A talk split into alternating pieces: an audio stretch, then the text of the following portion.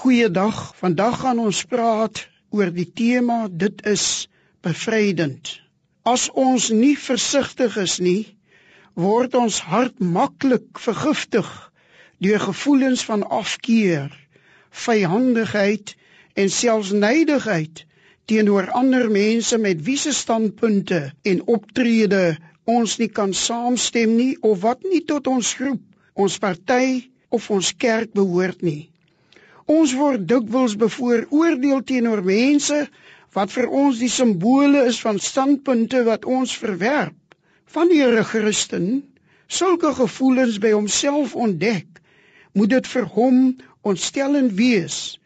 Dit is 'n teken dat hy op die weg van liefdeloosheid en haat is wat vir ons geestelike lewe uiters nadelig is en volgens die Bybel die saad van geweld en moord bevat.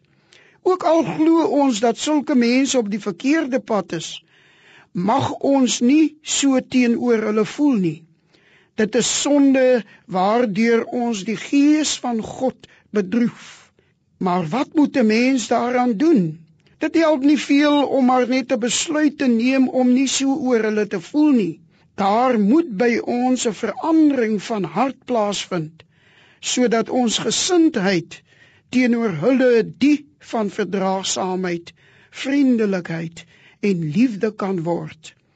Dit is alleen die gees van God wat 'n mens se hart verander en liefde pleks van haat in ons kan werk.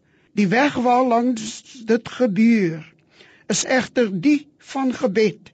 As 'n mens ontdek dat in jou sulke liefdelose gevoelens bestaan, moet jy bid om vergifnis en verlossing daarvan. Maar 'n mens moet nog verder gaan.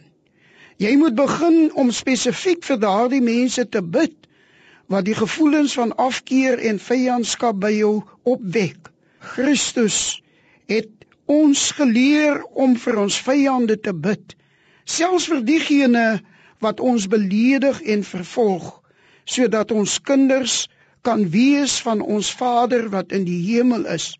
Matteus 5:44. Dit geld ook vir mense wat ons afkeer opwek met hul standpunte, maniere of optrede.